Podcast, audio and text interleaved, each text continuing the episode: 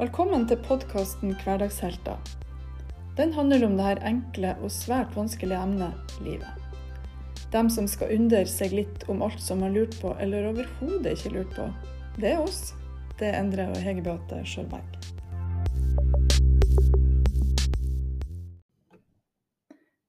Velkommen til en ny episode i podkasten vår Hverdagshelter. Litt sånn, eh, det å være en hverdagshelt er vel ikke noe vi går rundt og kjenner oss som sånn, noen av oss, egentlig. Det er vel heller mer sånn at man føler at man at man ikke greier å gjøre alle ting alltid like godt som vi skulle ønske vi hadde fått til. Um, og noen ganger, så, og det er kanskje det verste, da, når vi føler oss mest sårbare, det tror jeg er når vi kjenner at følelsene tar over, når vi mister litt kontroll på, på ting fordi at vi blir følelsesstyrt. Um, ofte føler man både skam og, og mislykkethet i forhold til det. Og kanskje spesielt, eh, spesielt i foreldrerollen, der man har lyst til å være gode rollemodeller og rollefigurer. Og når man ikke kjenner at man har helt kontrollen på det, så, så tror jeg det gjør noe med oss. Så Derfor er vi heldige å ha med oss han, eh, Steinar Sunde, som er psykologspesialist i dag. Eh, Du si litt om bakgrunnen din først, Steinar, før vi går i gang med litt tematikken her. Dette er ikke noe, det har du jobba en stund med. Eh, ja, det har jeg. 20 års tid, kanskje. Eh, siste tolv åra iallfall, så har fokuset vært på eh, foreldre-barn, samspill og det med, med sinne og vold. Og må på si heldigvis så, så har det vært såpass stort tema i så mange år at det er en del forskning på, på hva er det som eh, kan hjelpe foreldre til å være slike foreldre som en ønsker å være. Eh, Og, og noe av det har vi prøvd å putte inn i en eh, nettside som heter littsint.no. Der det ligger både sånn e-bok og, og app og litt podkast og litt litteratur eh, som vi kan bruke for å, å på en måte komme i gang. For å få håp og tro eh, på at dette er noe som er mulig å, å endre. Hva som gjør at vi blir sint, forresten? Det kan du sikkert både du og Endre en del om. Hvorfor blir vi sint? Jeg Kanskje- skjønner ikke du mener nå, Hege. Nei, aldri vært borte. Aldri, aldri vært sint. Alle blir vel sint.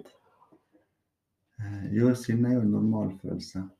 Jeg får lyst til å dra litt sånn lenger eh, rundt det for å forstå litt psykologien på en måte i sinne. For før jeg begynte med å jobbe med, med sinne, eh, så var jeg så hva skal jeg si, jeg var opptatt av å snakke med folk om eh, det som jeg sjøl syntes var ubehagelig.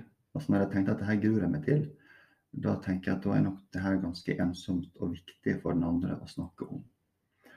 Eh, Og det gjorde at jeg jobba en del med folk fra tortur, som hadde opplevd det.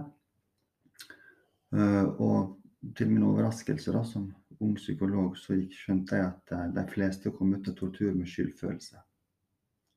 Og det er litt vanskelig å forstå.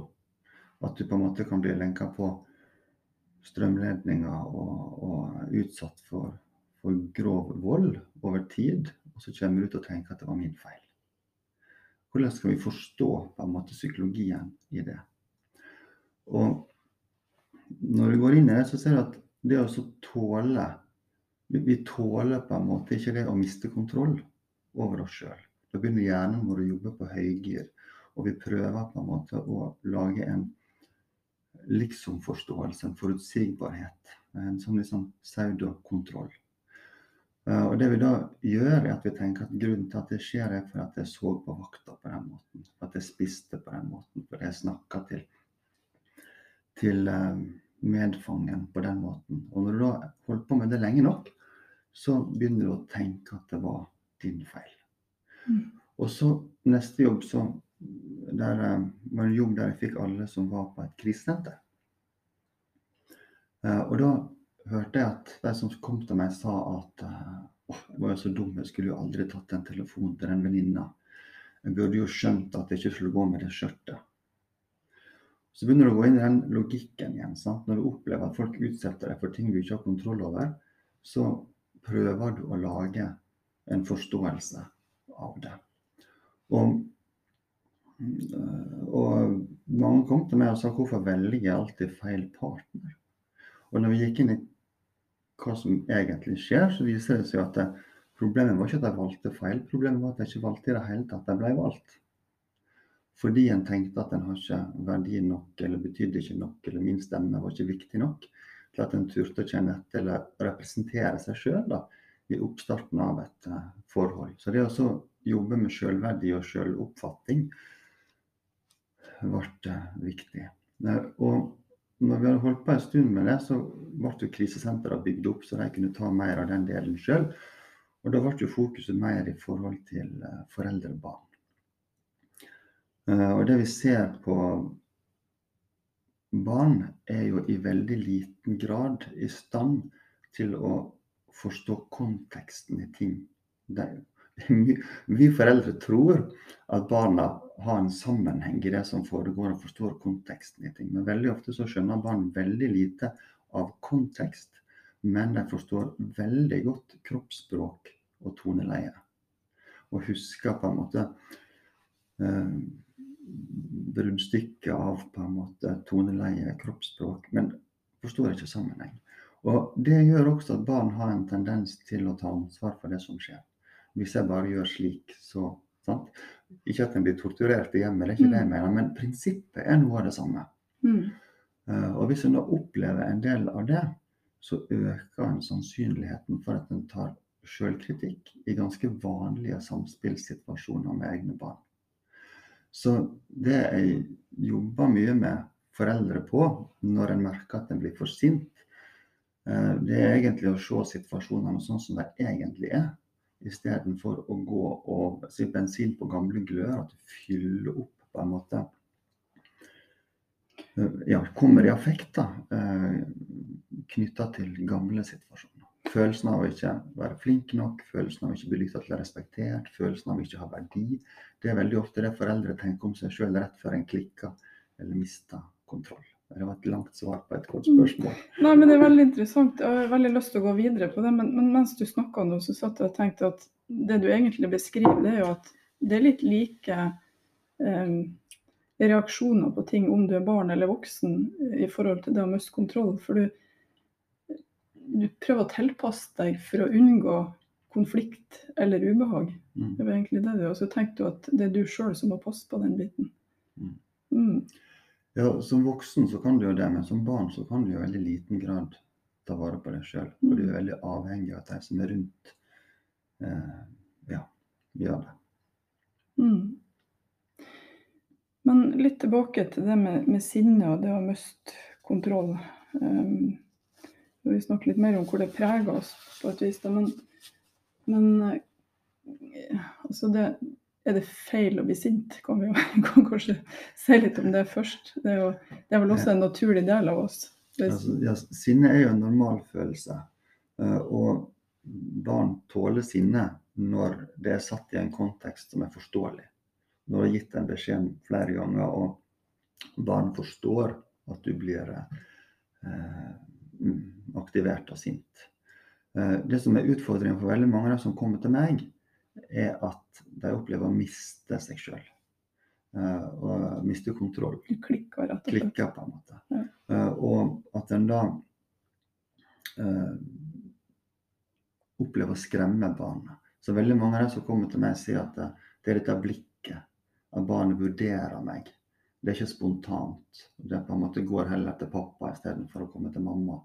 Eh, jeg vil at barnet mitt skal være spontant. Jeg vil at barnet mitt ikke skal tenke eller vurdere hjemme. De skal få lov til å bare være og føle seg på en måte eh, elska nok, da.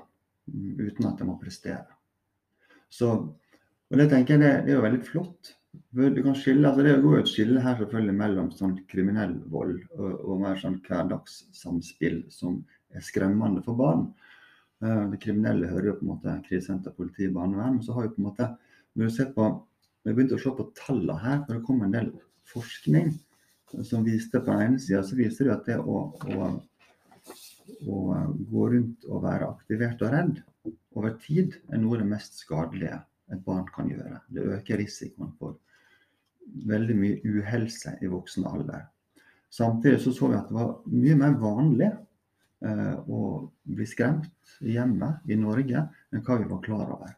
5% av norske barn har vært til legebehandling pga. vold fra foreldre. Mor og far utøver like mye av den mer sånn beinbrytende volden. Og 20% av norske barn rapporterer at de har vært redde for foreldrene sine. Så dette her er på en måte et Og jeg tenker noen ganger det er veldig mye sånn fokus på grov vold og sånn. og at barnedrap og den type ting. Sant? At, det, at det blir liksom, den grove volden blir liksom en gode fiende på et vis, på samme måte som at narkotikaen blir det i forhold til alkoholen. Vi kan ha mye fokus på kriminell narkotika, men vi snakker mindre om hvordan påvirker det barna våre når vi bikker tredje, fjerde, fjerde vinglasset på kvelden. Mm. Og litt det samme er, er det i forhold til det med vold og, og sinne. At vi, for at når vi tar narkotika eller grov vold, så kan de fleste av oss slippe å identifisere oss med det og slippe å gå i det.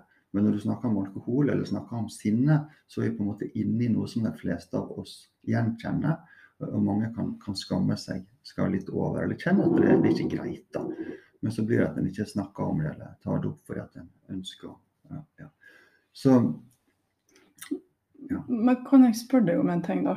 Mhm. Sånn underveis her. Jeg bryter meg inn i gode, gode utredninger. Men, men når det er så mange som opplever det hjemme, eh, er det sånn at man tar ut ting mer på hjemmebane, tenker du, enn eh, Det er sikkert ikke sånn som viser så godt ute. Du vil jo kanskje ikke være sånn på jobb eller med andre som du da er med familien.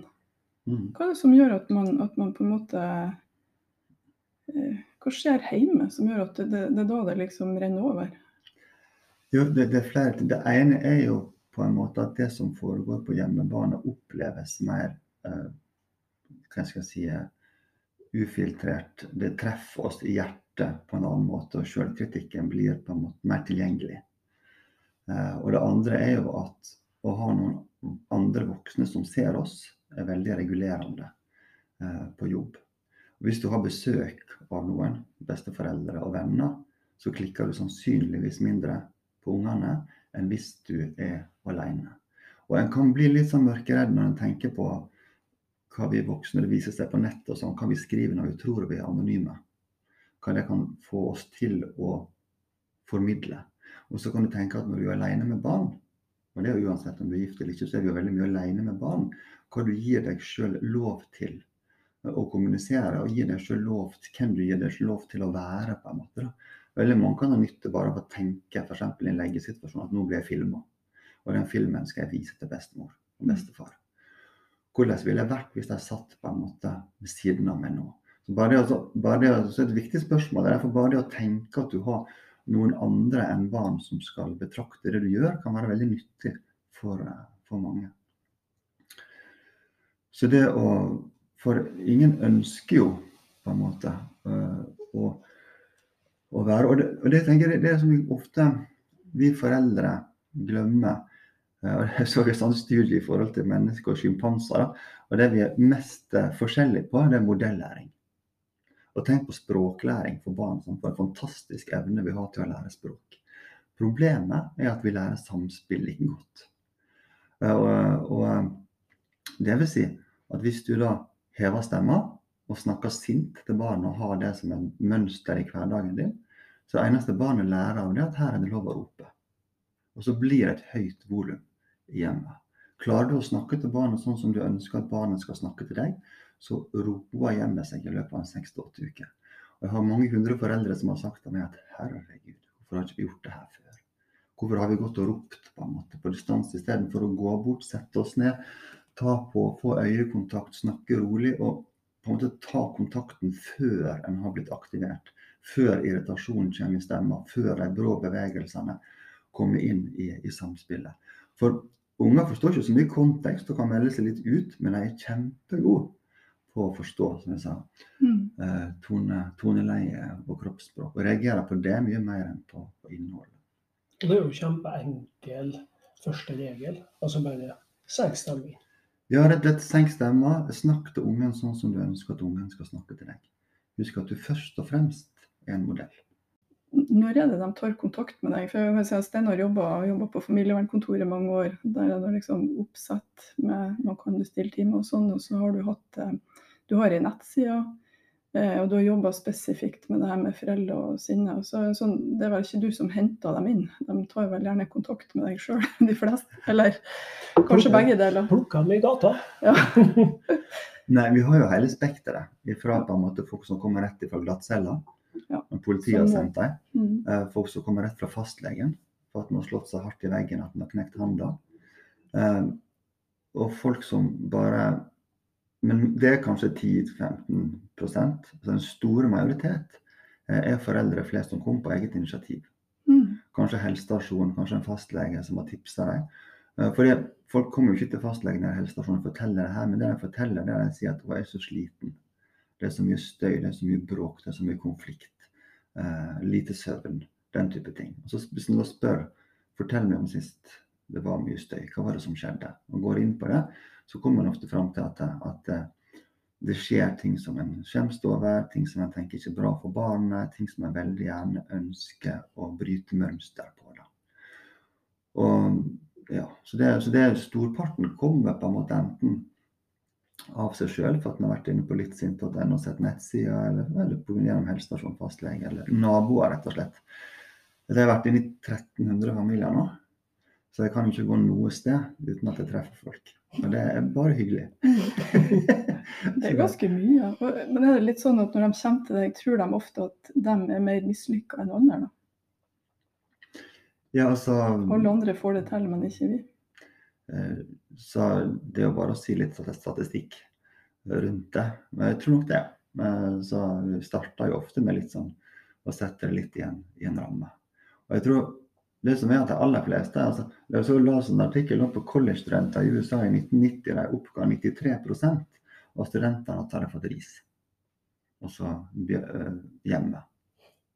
Eh, Samtidig så så en at når foreldre fikk andre verktøy eh, og sette grenser rundt barna, så ønsket en veldig gjerne det. Og så gikk den prosenten betydelig ned. Så folk ønsker jo verktøy for å, å bryte, bryte negative, mønster. Og i Norge så har vi det her, altså På den ene sida så har du som Astrid Lindgren som sier gi barnet kjærlighet, mer kjærlighet og enda mer kjærlighet, så kommer oppdragelsen av seg sjøl. Og og det er sånn foreldre ønsker å være. sant? Mm. Bare kunne gi kjærlighet og være på en måte der. Og så er på andre sida så har vi den tidlig krøke som god krok skal bli. Den du elsker, tukter mann. Altså sånn type tanker om at vi må, vi må håndtere ting, vi må gripe inn. Eh, og den feilen tror jeg som kanskje de fleste av oss gjør, da, er at vi tenker at oppdragelse er på en måte når ungen ikke oppfører seg bra. Mens oppdragelse det er absolutt alt du gjør sammen med et barn i løpet av en dag. Hver eneste lille situasjon du har, der du på en måte kan putte penger i banken, fylle på selvfølelsen, bekrefte barnet, lytte på barnet. Alt du gjør der, det er med på å bygge den relasjonen som gjør at du kan håndtere de situasjonene som kommer etterpå. Så vi må liksom snu om, tenker jeg. Jeg jobber mye med foreldre med å snu om den måten å tenke på i forhold til oppdragelse. Mm. Og så begynner vi å jobbe med hvordan kan du begynne å putte penger i banken. altså Hvordan kan du på en måte få en hverdag til å være prega av det samspillet du ønsker, istedenfor det samspillet som det blir. Så, så det, og det er en tredeling der, da. Så putt på en 50-øring, så prater jeg. Det ene er fortolkning av situasjoner. Andre er aktivering i kroppen. Og det tredje er på en måte den sjølkritikken som vi snakka om eh, i sted. Og fortolkning av situasjoner, så er det eh, Jeg bruker å ta en liten øvelse, jeg har ikke noe lyst til å ha den her. Eh, tenk at du står i en kø, og det kommer noen bakfra og sparker deg hardt i leggen. Au! Før du snur deg og ser hvem som står bak deg, hva er den første tanken som går inn i hodet ditt? Tja, Idiot. Idiot? ja, jeg i hvert fall være litt sint. Jeg er tosk. Hva driver du meg for? Hva skjer i kroppen din når du får den uh, første? Jeg tror jo det er må mangle noe som står Mm. bak meg og sparker. Ja. Hva Sånn skjer i kroppen? Hva skjer med hjertepumpa? Ja, det begynner å banke. Okay. Ja, hva skjer med muskulaturen? Ja, Strammer seg. Ja. Jeg gjør seg klar. Ja. Så, ta, jeg, snu meg og ta igjen. jeg, jeg spør ikke hva du gjør, men hva får du lyst til å gjøre? Ja. Ja, snu seg og ta igjen, sa. Ja. Og så snur du deg, og så ser du at det står en blind mann med en hvit stokk som har gått seg på deg. Ja. Hva er den første tanken som popper opp i hodet nå fikk jeg skikkelig dårlig samvittighet med en gang når du så det. Mm. Hva skjer, med hjertepumpa og muskelspenninga? Ja, det går rett ned igjen. Er det? sånn, Og hva får du lyst til å gjøre nå? jeg får lyst til å hjelpe. Jeg. Ja. Hva, Så hva i løpet av- er ett det noe sek- lurer på? I løpet av Mm. ett sekund så går de fra å ville kjefte til å ville hjelpe. Ja. Hva er det som gjør at du forandrer deg så mye på så kort tid? Mm. Hvorfor blir den, hva, hva, hva, er- det det er forståelsen. forståelsen? Ja. Og altså, Istedenfor å snakke om kognitiv terapi, så bruker vi sånne øvelser. på en måte. For det er den switchen der vi er ute etter. sant? At den første forståelsen er at ungen er respektløs, gidder ikke høre på meg, versus at en sitter faktisk med hodetelefonen og er opptatt av noe annet, eller sitter i sin egen tankeboble. Og Veldig ofte så er det nok bare å tenke alderen på barnet, eller å normalisere situasjonen. At det her skjer i de tusen hjem. Mm. Så den første er på en måte å unngå å automatisk tolke det barnet gjør som noe negativt mot deg. At det er helt normal barneoppførsel. Og så neste er å få tak i den istedenfor å ville kjefte og irettesette, så heller ville hjelpe. Mm. Og disse tingene her eh, jobber vi med. Og så jobber vi med det her med aktivering. For det, det er veldig fascinerende. Jeg husker da jeg var liten og så skrekkfilmer jeg ikke burde se. Så var jeg litt spent på om jeg var blitt en edderkopp når jeg så meg i speilet. Ja. Selv om jeg vet at det er lite sannsynlig at en blir en edderkopp av å se filmer, så var jeg litt spent. Mm. Så det med aktivering gjør noe med hjernen vår. At ting som vi vet er tull, kan Mm. oppleves som sant. Så selv det mest hyggelige barnet kan bli fortolka som en eh, faenskap Mm. eh, i situasjonene. Så vi må være klar over at hjernen lurer oss. Følelsene lurer oss, hjernen lurer oss. Og så kommer da gjerne den sjølkritikken på toppen. da. Altså fra historien 'jeg er ikke flink nok, jeg lykkes ikke, jeg blir ikke respektert, jeg blir ikke verdsatt'. Og det er ofte det som bikker den siste lille dråpen som får oss til å Mm. heve stemma eller klippe tak i ungen og dra den sint på badet. Da føler jeg at vi som rettferdiggjør nesten handlingen vår da, i den konteksten. Men går du litt ut av det, ja, for det er ulydige, uoppdragne, respektløse. Vi føler oss verdiløse, vi føler oss som dårlige mamma og pappa. Ja. Så Den dynamikken her er det vi jobber med på en måte å ta tilbake igjen kontrollen på. Mm. At en skal være sjef i eget følelsesliv ved å være bevisst på hvordan en tenker og hvordan en føler. Jeg hørte deg en gang før du snakka om det her, og da tenkte jeg det var et sånt eksempel som du brukte, så jeg tror de fleste kan kjenne seg igjen i. Om man, man, kanskje ikke, man kanskje ikke sliter med aggresjon som, som et, opplevd som et problem, så tror jeg sånn du snakker om en sånn middagssituasjon der man har laga middag og vi er stressa og, og ingen kommer Mm. når du står og roper. Så sitter de kanskje med telefonene og, og spiller et spill. Eh, Mm. Da beskrev du litt den der konfliktsituasjonen som den ungen kanskje står i, som man ikke tenker på. Som måten spill f.eks. er bygd opp på. Det, det visste jeg ingenting om forresten før du så det. Så det sånn. For- for- for ene delen er at ungen faktisk ikke hører for at den sitter med øreklokka på. Ja. Men det andre er at den kan være i en konflikt mellom det å ditche kompisene i spillet eller følge foreldra sitt ønske. Så det ungen trenger ofte en hjelp til å manøvrere i den konfliktsituasjonen, istedenfor på en måte å få kjeft da, Mm. for at den ikke gidder å komme til middagen en gang. Han har stått her og kava. Mm. Ja. Så istedenfor at du er ulydig, så står du egentlig igjen. Så noe med det at spill er laga sånn at hvis du ikke kommer til slutt, eller får lagra det, så mister du jo alt du har gjort. Og det er jo litt sånn tap i det her, da. Ja, da, Det er ikke bare det- konflikt, det kan være en Det, det, det er jo dessverre psykologer som er med på å utvikle disse spillene, som gjør at det skal være helt umulig å avslutte. Så det er sterke forsterkningsmekanismer. Mm.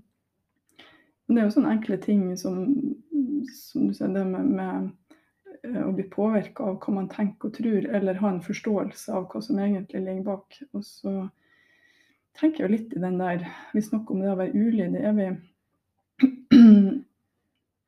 Den skammen hvis du opplever at, at ungen din oppleves som ulydig.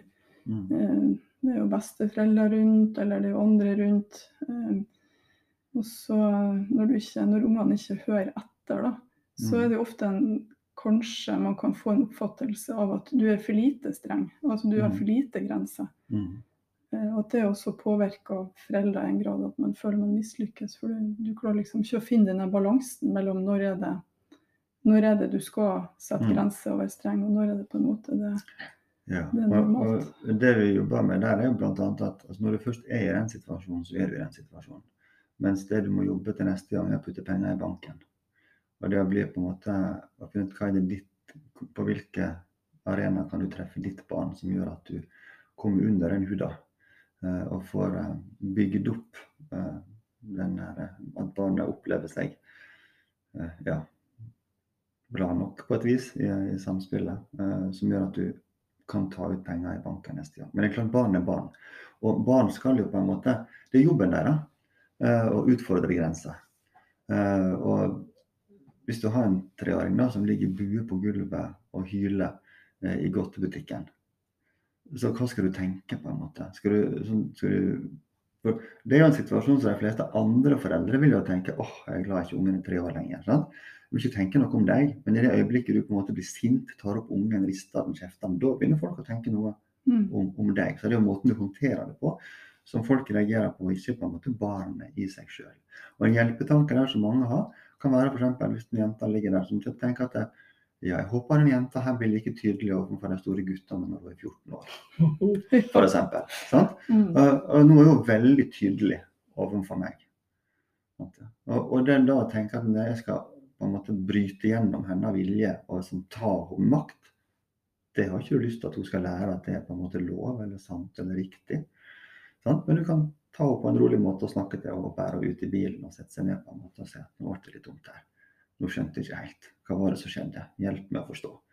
Så kanskje ungen etterpå kan, kan fortelle. Og det tenker jeg, det er jo fascinerende. å snakke mye med unger. altså Det er de klokeste mennesker på jord. Det er som det er så, Husker jeg snakka med en ungdom eller unge om, om, om lykke. Han spurte hva er lykke. Og sa lykke sånn, det, er jo, det er å kunne si det en tenker uten å måtte tenke på hva en sier.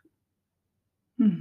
Jeg synes det fortsatt er nesten den fineste definisjonen på lykke. Altså det At du er sammen med noen der du bare kan tenke høyt, uten at du på en måte blir, blir tatt for det. Kan være deg sjøl. En stor trygghet. Er en stor trygghet. Ja. Mm. sant? Og det tenker jeg som foreldre, så er det det vi på en måte, altså det at ungen kan si det en tenker uten å tenke på hva, hva en sier. Det er som det er på en måte et sånt mål.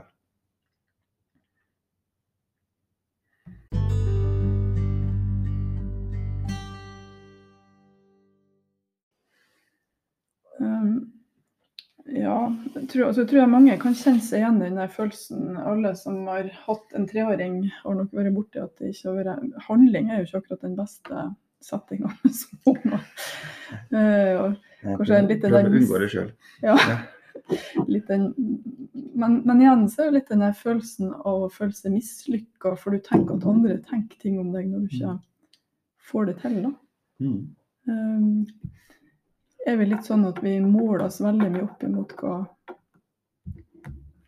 hva andre syns og tenker, like mye som hva vi sjøl tenker. Ja, jeg tenker Det er jo en fascinerende evne som vi mennesker har, da, det med selvkritikk. eh, Og sammenligne oss med andre. Og, og stort sett så driver vi jo bare og tuller med oss sjøl. Og tenker ting som ikke er i nærheten av sant. Men fordi at vi er på en måte redd for det blir aktivert rundt det, så kan vi gå rundt og, og, og lage sannheter for oss sjøl. Jeg husker et lite eksempel. Jeg, for eksempel, jeg hadde en mamma som kom og sa at hun ikke kunne gå på foreldremøte, for hun følte seg som en idiot når hun bare satt der og ikke sa noe. Da sier jeg ok, men hvis du går på foreldremøte, så vil du skal ha ett fokus. Du skal telle hvor mange som sier noe, og hvor mange som er der. Så skal du komme tilbake neste uke, skal vi snakke om det. Så kom hun tilbake og sa at det var 20 på foreldremøte, det var 15 som ikke sa noe. Det tre som sa litt, og to som sa masse. Hva følte du om de 15? Ingenting. Hva følte du om det er tre? Ingenting. Hva følte du om det er to som sa masse? Nei, jeg var litt irritert over det tok litt lang tid. Mm. Ok, sant? Og så bare, og så hvis en går og begynner å tenke sånn om seg sjøl, så gjør en sånn liten øvelse. For at stort sett da, så, så tar, vi, tar vi feil. Og det her er også i forhold til foreldreprestasjon. sant? Altså Det helt vanlige er bra nok. Det en skal unngå, det er på en måte å miste seg sjøl. Slik at en blir opplevd som, som skremmende. Og det en kan trene på, er det å være sånn bevisst på overganger. Prøve å nullstille seg sjøl, slik at en øker sannsynligheten for at en klarer å være den en ønsker å være, istedenfor å bli noe som en ikke vil være. Og Det kan handle om f.eks. å puste litt og ta ned egen aktivering før du, du eh, går inn i situasjonen med barnet. Gå bort og snakke til barnet før du får lyst til å løpe bort og heve stemma. Det er bare sånn, sånn eh, Og det å slutte å hva skal jeg si, forestille seg det som ikke er sant. Jeg har så mange foreldre som kommer hjem og så åpner, før jeg åpner døra, tenker jeg og jeg håper at nå henger jakka på rett plass. og at kjøkkenet ser bra ut, og at jeg har begynt på leksene. Og så går en inn, og så er det oppskriften på å bli skuffa. For når du åpner døra, sånn, så ligger sekkene og skoene og jakka i en haug. Kjøkkenet eller hvor du lager ostesmørbrød og smoothie, og det ser ut som en sånn. Og så står TV-en på, og de sitter og ser på TV. Og da har du et valg. Da kan du gå bort og så kan du si Hva var det jeg sa? Kan ikke dere bare høre etter? Sånn kan ikke vi ha det. Eller du kan trekke pusten og tenke at det her er sånn som skjer i de tusen hjem. Og så tenke at jeg skal starte dagen med to minutter med god stemning. Og så går gå bort og sier hei, hvordan har du hatt det i dag? Eh, bra, så det er sant. Har du fått deg noe å spise?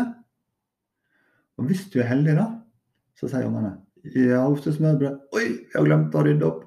Og så springer de bort og rydder opp. Mest sannsynlig så gjør ikke de det likevel. Men du kan sette deg ned og så kanskje få en, en connection. Og det her med å snakke med barn. Sant? For Hvis du spør et sånt generelt spørsmål Hei, har du, eh, hvordan har dagen vært? Så får du sånn Fin. Og du har ett spørsmål til. Den her presentasjonen i dag som dere hadde, var det mange som grudde seg? Det er et sånt åpent spørsmål. Og så lukker han bare munnen, og så kan han begynne å fortelle. Så det å gi noen sånne invitasjoner, kikke i uh, ukeplanen eller hva det måtte være, se på hva som foregår, stille et helt konkret spørsmål, og så bare prøve å være stille. Så gir du ungen muligheten til å begynne å fortelle uh, om hverdagen sin. I forhold til små barn for eksempel, som leker i sandkassa, sant? og så ser at de kjører en bil, og så ser du at uh, jeg så at du kjørte, kjørte en bil i dag, og det så gøy ut å lage den veien i sandkassa Toppe. Det var ikke en bil, det var en båt. Og Dessuten så kom Petter og kasta sand på meg og tok båten ifra. Og så får du på en måte historier rundt det som har skjedd. da. Så det med å prøve å starte med bare et helt sånn åpent spørsmål. Uh, og så ikke starte på en måte med den her uh, kritikken eller frustrasjonen. Så vi går ofte og forestiller oss at mm. håper på at ting skal være At unger skal på en måte gjøre det som er unormalt for unger. da rydde, ordne, uh, fikse alt. Mm. Og så, så, har jeg en sånn forestilling om at hvis ikke vi lærer dette her i femårsalderen, så kommer alt til å gå eh, kommer til å bli fullstendig kaos. Og, ja. Men det er ikke sant. da. Vi er rollemodeller, så de lærer det vi gjør. Men, men hva som jeg kjenner meg veldig igjen i, også det å komme hjem og så vente. Så, å, vi vet hvordan det ser ut her når vi kommer hjem nå. Det er jo ikke bare små, det er jo også store unger. sant? Men så er det jo litt sånn forskjellig. Noen dager så blir du ikke så irritert for det heller. Eh, noen dager så, så bryr du deg jo ikke så hardt. Og noen dager så er du nesten irritert for du kommer inn. Eh, på en måte reaksjonene våre er mye påvirka av, av, andre ting enn bare akkurat det som skjer. Jo, du, du sier det, for jeg har jo mange foreldre som kommer til meg sant? Altså, så sier jeg 'fiks det krapylet her'. Uh, han er jo helt umulig. Uh, og så spør jeg en alltid krapyl. Så tenker jeg som si, nei, det er som regel når vi har dårlig tid og når vi er slitne. Når vi har god tid og vi har overskudd, så er det egentlig ganske grei. Ja. Det er jo, Og så stiller jeg litt sammen, og så tenker jeg hm, ja, jeg har kanskje litt sånn. Så det å være bevisst på hva du har med inn da, i en situasjon, og samtidig være bevisst på at barnet også ofte har med seg inn det samme.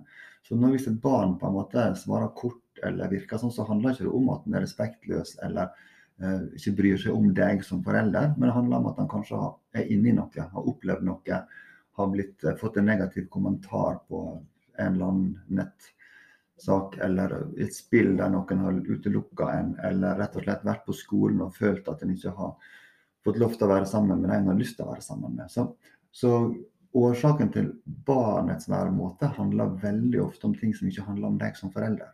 Og Det er viktig å huske på, for vi går ofte i den fella at vi tar det til oss sjøl. Og så agerer vi tilbake som om at ungen oppfører seg dårlig. Tanken på at barn kan ha dårlige dager. Ja. Så vi vet, vi vet jo med oss sjøl at vi har dårlige dager. Eh, og i beste fall da, så klarer vi å holde kjeft. Mm. og trekke oss litt tilbake og ikke gjøre så mye ut av det. Sånn? I verste fall så fyrer vi på, på alle, alle plugger på en måte og, og skaper situasjoner som er ganske unødvendige sammen med barna. Det er kanskje viktig å være oppmerksom på det, da. Så på, når, jeg, når jeg er sliten og har dårlige dager, så bør jeg kanskje ikke gå rett inn i kampene heller. Det, det vil være uheldig, eller det, det er jo det. På en måte tenke at at unger også er kanskje mer likeverdige parter enn at man, Mm. man er litt sånn den her autoritære. Mm. Mm. Jeg tenker Unger vil jo foretrekke hvis du ikke kan har større unger som sier at eh, mamma eller pappa er litt sliten, jeg tror jeg går og slapper av litt.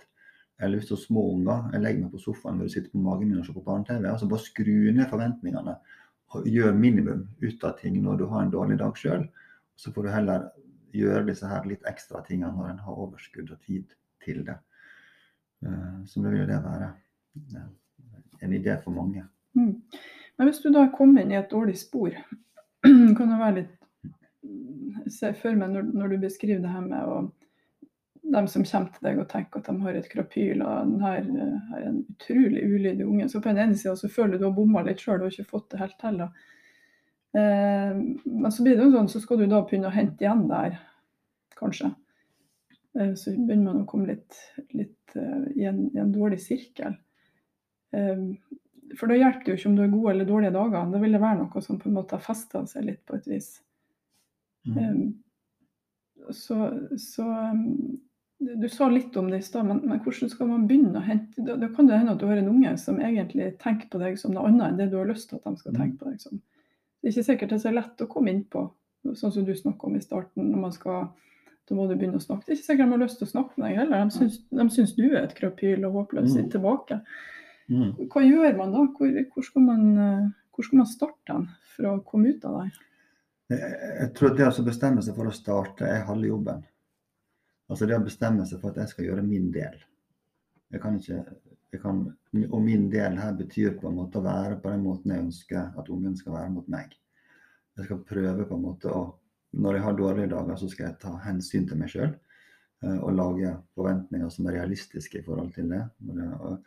Og bestemme seg for at nå skal jeg for eksempel, nå skal ikke jeg løpe, jeg skal gå. Jeg skal ikke rope, jeg skal snakke. Og når du kjenner at du blir framoverlent og har lyst til å løpe, når du kjenner at du har lyst til å heve stemma, jobbe med å puste eh, og hente seg inn igjen og få tak i de tankene som er sanne. Eh, Du vil jo, du vil jo aldri gitt vekk disse ungene. Selv om det kan av og til kan føles som at det var bedre uten dem. sant? Og jeg kan få skyldfølelse og alt det her. Så det, også, det å bare begynne, bestemme seg for eh, å trene på å være slik som en ønsker å være. Og for mange så kan det være nok på et vis, da. Men så er det noen som har Altså Du har jo barn som har på en måte diagnoser og syndrom som gjør at det er ekstra krevende. Uh, og, og der det å bare Selv om du regulerer deg sjøl, så er ikke det nok. på en måte. Og da er jo ofte spørsmålet om det tar to år, da. Hvordan skal en klare å hjelpe seg sjøl til å stå i det her? Den tida det tar fram til ungen på en måte modnes ut av. Eller får, den hjelpa eller den ja, behandlinga som, som, som hjelper. da. Så det å klare å tenke på en måte i, i, i faser. Uh, Istedenfor å tenke at uh, nå må få katastrofetanker om framtida. Vi kan sitte med en treåring og være bekymra for utdanninga. Altså, det er som ingen grense for hva grad av bekymring jeg kan ta opp. Så må jeg tenke ok, tar et år av gangen. Prøv på en måte å tone ned disse her skrekkscenariotankene. For det, det, er veldig sjelden at en har rett da, i forhold til, til bekymring. Så, så hvis en bare bestemmer seg for å gjøre sin del, og så begynner med helt til små Eh, og For en del så er det nok, men for de som har da mye eh, hva skal jeg si, har opplevd en del vold sjøl, og det er mye bensin på gamle glører, en kan ha flashbacks, at en liksom blir kasta tilbake igjen til barndomsopplevelser, eh, og føler at en mister seg sjøl altså av helt gode grunner, da, som en ikke klarer å regulere, så kan det være at en rett og slett trenger hjelp til å si, få nok distanse til det en har opplevd sjøl. Og der er det mange, Jeg tror mange som kommer og sier at nei, barndommen min har vært fin. Og så når vi går litt inn i ting, så har det vært situasjoner der de kunne ha blitt drept av foreldrene sine. Det har vært både skyting det har vært løfting. Jeg husker en som hadde, som hadde blitt løfta av støvsugerledningen slik at den holdt på å kveles. I en vanlig foreldrekrangel. Og det er folk som er i full jobb og helt på en måte du ikke tenker når de kommer inn døra. Men de har hatt opplevelse av å nesten dø i en relasjon. Og det er klart Når du da får flashbacks på ting som på en måte aktiverer så mye frykt, så er det ikke rart at det er vanskelig å regulere seg i, i samspill med barn. Og jeg synes det er Mange som har sagt, mange av de som har den type opplevelser, har kommet og si at jeg tåler ikke barnegråt. Så hvis jeg får vanngråt, så merker jeg at jeg bare blir helt nummen. Jeg, blir helt sånn, jeg, mis, jeg, jeg mister liksom kontakt med meg sjøl. og blir redd for hva en kan, kan gjøre. Og så handler det egentlig ikke om barn eller det i det hele tatt. Det handler om flashbacks i forhold til tidligere erfaringer. Og når en blir klar over det og kan linke det litt og forstå det, så kan en også hjelpe seg sjøl til å komme seg ut av de situasjonene. Mm.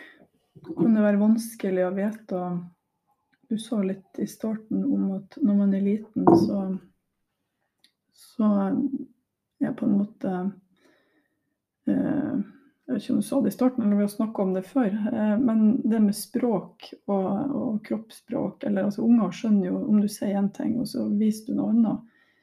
Eh, det er jo det vi lærer dem, på en måte, som, som er sannhet. da. Um, så hvis vi snur litt på det, så har du kanskje noen voksne som har lært noe når du er liten som du Det, det kan jo til og med hende at du tror at det er sant at det skulle være sånn. Ja, det, det er jo fint du sier akkurat det. Det er mange som kommer til meg og så sier at uh, grunnen til jeg kommer nå, er for at nå opplevde jeg å rope på samme måten som mamma eller pappa ropte på meg. Eller jeg kjente jeg tok tak i nakken på ungen på akkurat det nakkegrepet som jeg brukte å få. Eller måten jeg tok rundt barnet og løfta opp og drog det med. Det var slik jeg ble løfta i seng da jeg var barn. Så er mange som sier at det aller siste jeg vil, det å gjenskape på en måte det som jeg opplevde sjøl. Så for mange så er det en veldig sterk motivator å ikke på en måte bringe videre. Så det er jo, jeg tenker det er jo så flott, altså det er så mye flotte foreldre som kommer som har virkelig sånn sterke ønsker om å få samspillet til å bli annerledes enn det en, en opplevde sjøl. Og ønsker på en måte å ha hverdag mer fylt av ro og harmoni, kjærlighet, på en måte enn konflikt hele tida. Og vil ta på en måte sin del av ansvaret da, for å Mm. jobbe med disse tingene. Ja, for det er viktig at man gjør det, hvis vi går litt. For nå, nå ser vi at vi har snakka litt om at mange ting er jo innenfor det normale. Eh, og så Mm. kanskje kan det bli litt mye, men man kan lære seg å regulere det. Mm. Eh, men det å miste litt kontrollen på det her, sånn at sinne og, og den biten i en foreldrerelasjon tar så mye over at, at du har et barn som blir skremt eller lever litt i frykt og tilpasser seg litt den biten, det er ikke sunt. Nei, altså, Vi har jo mye forskning nå, da, og jeg tenker det er litt av grunnen til at vi kanskje har fått mer fokus på det. er jo at en ser, eh, husker Kirkeengen skrev jo om det, hvorfor krenkede barn blir syke voksne. en doktorgrad som kom, Der hun gikk gjennom 13 journaler eh, av barn der foreldre var dømt for vold. Så det var jo på en måte, det var mer grov vold. Eh, og de barna hadde i snitt ti spesialisthelsediagnoser. Så de var på en måte utreda og behandla for alt mulig. På hudavdeling, på allergier, på øre-nese, hals, indremedisinsk for magevondt, tatt mandlene. Altså det har vært innom alt mulig av behandling. Så når du går og er aktivert, da, for det er litt sånn altså Det er noen som har vært syk etter eksamen. Hvorfor blir vi syke etter eksamen? Sant? Vi går og gruer oss, så, så svekker vi immunforsvaret vårt, og så øker vi sannsynligheten for at vi blir syke. Og disse barna her går jo med et svekka immunforsvar over tid, og øker veldig risikoen for å bli syk. Så, så det har jo konsekvenser bare sånn i forhold til somatisk helse for barn, men det har selvfølgelig også konsekvenser i forhold til det med selvbilde, selvverdi, opplevelsen av hvem en er. Uh, og det her med tanker om at du, er, at du har påvirkning på livet ditt, at du er på en måte en som vil bli lytta til. Som jeg sa i forhold til det med, med å kunne velge seg noe som er godt for seg, ja, istedenfor å ta det som kommer. Uh, og det vil kunne få konsekvenser for livet. Og nå sier jeg ikke at alt negativt samspill i, familien fører til det her, men det øker en sannsynlighet for det. Uh, og Derfor er, det, er det viktig at, at tenke sånn helsemessig sett også. Det er jo ingen foreldre som ønsker barna sine det her. Men det og det er så mange gode råd å få. Sånn, men jeg tenker det, med, det, det som vi jobber med i forhold til Livssint, det er å prøve å hjelpe folk til å bli snillere med seg sjøl. Både i forhold til fortolkning av situasjoner, i måten en tenker om seg sjøl i situasjoner, slik at en kan bli snillere med, med barna. Og det handler veldig ofte om å begynne å være snill med seg sjøl. Og bli litt sånn klar over hvordan en plager seg sjøl, både i måten en fortolker situasjoner på, og i måten en behandler seg sjøl som, som, mamma eller pappa. Det er jo ikke noe som jeg har funnet på. Dette er jo en metodikk som på en måte ligger eh, tilgjengelig egentlig for alle. Så Mm. jobben er jo på en måte å bestemme seg. Og det som vi har gjort innenfor familievernet i direktoratet, er å prøve å gjøre dette tilgjengelig på, på nett. altså Både med å lage små undervisningsfilmer, som podkaster sånn som dette her. Skrive ting. Oversette det til mange språk. Er på ti språk. Uh, og vi ser jo nå at vi har 100 nye brukere hver dag på det materiellet. Og hele familievernet i Norge er på en måte uh, Ja. Så, så, det er jo ikke på en måte, det handler ikke om meg som person, det handler om en metodikk, egentlig. Mm. I forhold til det å ta tilbake litt sånn mm. Bli sånn bevisst ting. Og ikke minst tenker jeg det å gi folk håp. da. Og jeg tror veldig mye uhelse eller plage handler om at en føler at en mister kontroll over seg sjøl. Jeg hadde prolaps i ryggen for en del år siden. Og når jeg tenkte at jeg, nå blir jeg lam, da opplevdes smerten annerledes enn etter jeg tenkte at dette går bra. Og dette med å få på en måte opplevd kontroll da. Hvis du tenker at, at det bare skjer, jeg klarer ikke å regulere det, ikke, så, så, vil det ta en veldig stor plass i livet. Det vil bli veldig mye sjøldevaluering, mye håpløshet, avmakt, den type ting. da. Men hvis du klarer på en måte å komme i gang og bryte mønster, og ser at nei, dette er innafor, der skal jeg klare der jeg skal få det inn på det sporet som jeg vil, og oppleve kontroll, så, så det, tar det mye mindre plass, blir mye mindre forgrunn i livet. Eh, og Som gjør at du da bruker mindre energi på det, og heller kan bruke energi på, på, på de tingene du ønsker å bruke energi på. Da. Jeg tror mye å gi opplevelse av kontroll tilbake igjen. Så nå er på en måte, og det gjelder jo veldig mye problem i, i livet på et vis. da. Mm. Samtidig som at kan, kanskje noen av foreldre som du sier med generasjonsmønster og alt det der, sånt, har, har en tendens til å tenke at en ikke har kontroll. Fordi at en har opplevd å ikke ha kontroll, som vi snakka om tidligere. Sant? En må være ekstra bevisst på disse tingene for, å, for å, å, bli på en måte litt sånn sjef i eget relasjonsliv. Da. At ikke ting bare, bare skjer med en. Mm. Og grunnen til at jeg spurte, liksom, Det er litt OK at du sier jeg bruker Steinar et sånt bilde her da, for for hva som finnes av muligheter, som du beskrev nå. Endre liksom, det å være fosterlege eller den man kanskje kjenner mest. For det, mm. det vil jo være veldig ulike man, man, man, er jo på forskjellige hold, og folk står i forskjellige ting. Men eh, det at det finnes muligheter til å sette seg inn i ting sjøl, som du sier. Man kan gå inn på nett og begynne å kjenne at jeg har lyst til å jeg føler jeg har mista litt kontrollen her. Eller når man føler at det har sklidd helt ut og man trenger litt ekstra hjelp, så finnes det òg. Men det finnes veldig mange variasjoner her det som på en måte jeg tenker er viktig, at med en gang du begynner å tenke at jeg har ikke helt kontroll, det her er noe som jeg ikke ønsker det skal være, så er det et signal på at man bør kanskje gjøre noe med det. Mm. Det trenger ikke å være en stor ting, det trenger ikke å være et, et stort opplegg. Det kan være alt fra små eller metodikker. Mm. Ikke små metodikker, men det handler om selvutvikling. Ja. Men at det finnes ting på nett, ja. Eh, faktisk. Og, så, og, noen ganger så er det så tøft at man, man faktisk trenger noen som bistår seg i det her.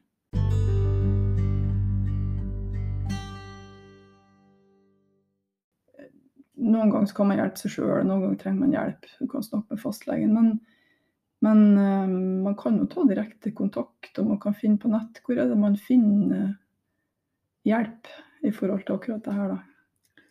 Uh, innenfor det som jeg jobber, så er det jo familievernet i Norge. Jobber jo med, med det her.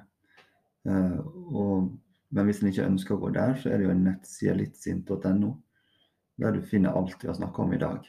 Eh, og videoer som illustrerer på en måte egentlig det du vil møte hvis du kommer på familievernkontoret. Så du kan se videosnutter som viser en første time, og du kan se videosnutter som viser på en måte hvordan en jobber med det lenger utover i samtalene.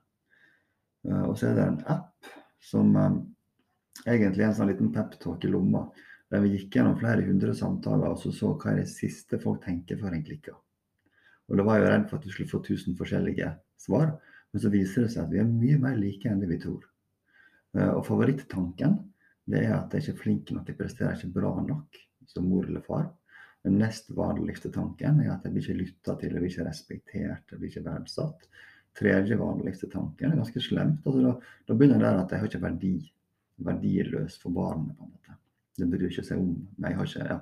Så Tar du de tre tankene der, så har du nesten dekket 80% av den siste tanken folk tenker før de, før de klikker.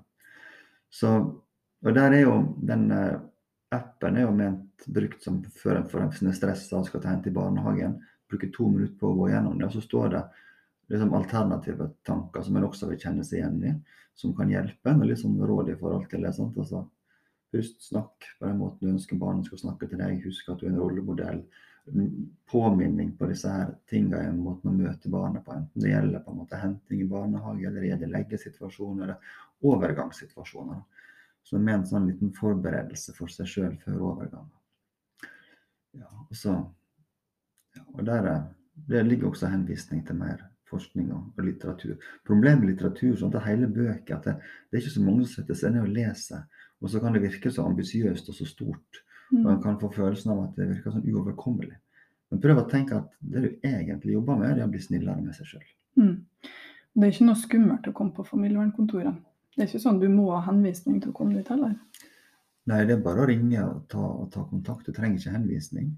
Eh, Familievernet har jo taushetsplikt på samme måte som andre, men i tillegg så er det sånn i familievernet at etter tre år så er alt sletta. Så du har ingen historikk eh, i, i familievernet. Det er jo en del som syns kan være OK. At en vet at det er ikke noen journal som følger en på en måte senere i livet. Mm. Um, jeg tror jo alle har lyst å, å være gode rollemodeller. Jeg tror man kanskje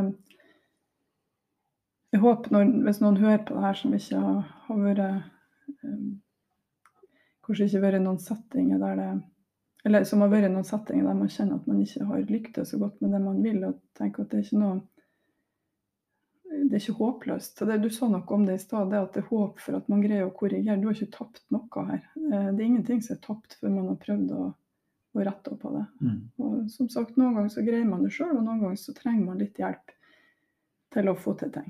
Det er ingen som tenker at, at man er en dårlig person når man ber om hjelp. Nei, altså kanskje det motsatte. Altså Det å så be om hjelp viser jo at du er viktig for deg eh, å få til en forandring.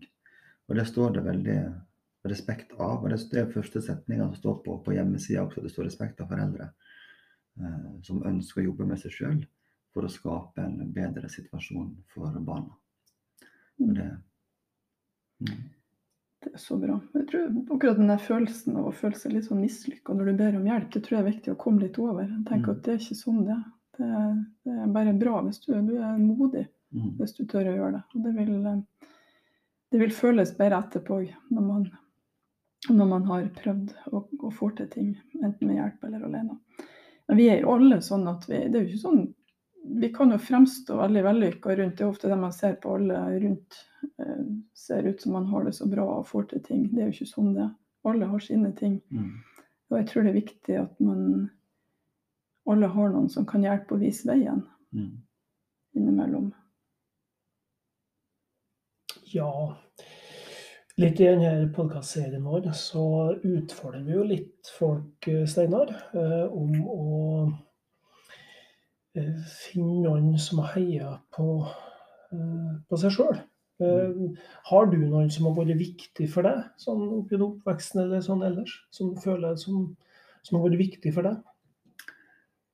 Ja, absolutt. Helt klart. Jeg var jo det som kanskje så, Jeg var jo eh, siste perioden i eh, svangerskapet før jeg var født, eh, så fikk ikke jeg eh, så mye energi mat. Sånn at når jeg var født, så var jeg mye mindre enn det jeg hadde vært. Så allerede der så kunne det på en måte ha, ha, ha skjedd ting.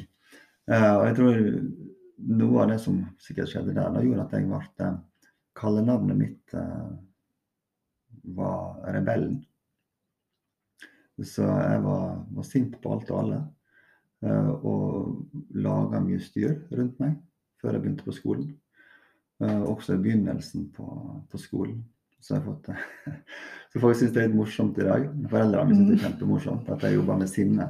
Og jeg var en veldig sint liten tass. Mm. Og det er mulig å ta bilder av meg og sånn, for jeg snakker. Men så, og det som jeg tenker betydde noe da, eh, og det tror jeg jeg er ganske sikker på at det var det som skjedde, det var at jeg ble ikke tatt som person.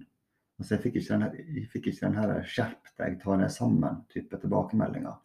Jeg fikk tilbakemeldinger fra, fra foreldrene mine mer på det her med når du gjør sånn, så blir den lei seg. Når du gjør sånn, så skjer det. Jeg tror jeg jobba veldig mye med, med at jeg skulle få opp empatiperspektivet eh, i forhold til handlingene mine uten å fordømme meg som person.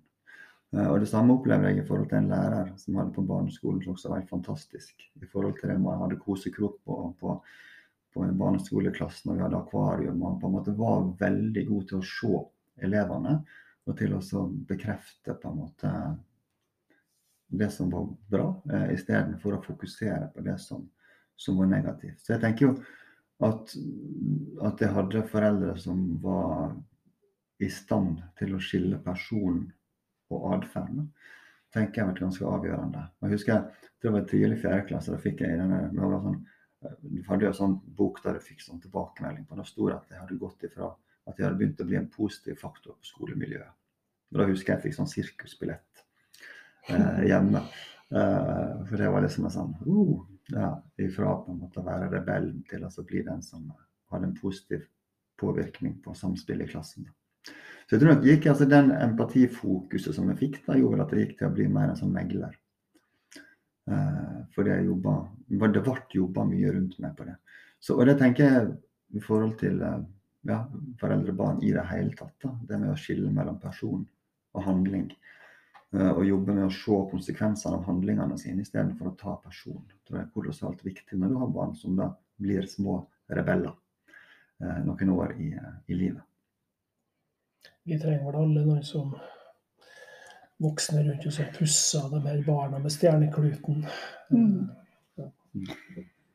Så det har vært veldig interessant og lærerikt. Um, og så sitter jeg igjen med en sånn Jeg tenker at jeg tror det er viktig at man når man er sliten vi sa litt, Du sa litt om det i starten. Ofte så er man sliten, og så blir det tungt. og så er det, Men at man tar den her ekstra pustet inn og senker skuldrene og tenker at skal vi komme oss ut av det her på en god måte, så er jeg kanskje nødt til å gå noen skritt tilbake og så ta litt tak i ting. Og så finnes det håp om at ting skal bli lettere. Bare man orker å stå litt i det. Mm.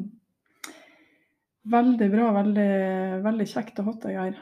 Um, og så minner jeg bare alle som um, hører på om at hvis man kjenner seg litt igjen i noe der og tenker at å, det her skulle jeg ønske at jeg kunne og, og visste litt mer om, så kan man se på nettsiden til illsint.no. Litt sint. Litt sint, ikke illsint. Når jeg, når jeg, når jeg, når jeg har vært i, i Finnmark, så sier de at, at litt, litt sint det er søringfenomen. sier de. Her er vi illsinte. Altså.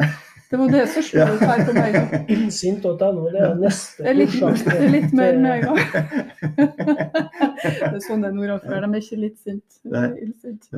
Men eh, veldig godt å ha det avklart. Det ligger på littsint.no, Ja. som vi har sagt noen ganger nå, og så går det an å snakke med et familievernkontor.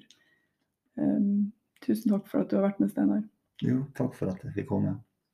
Rebell, altså.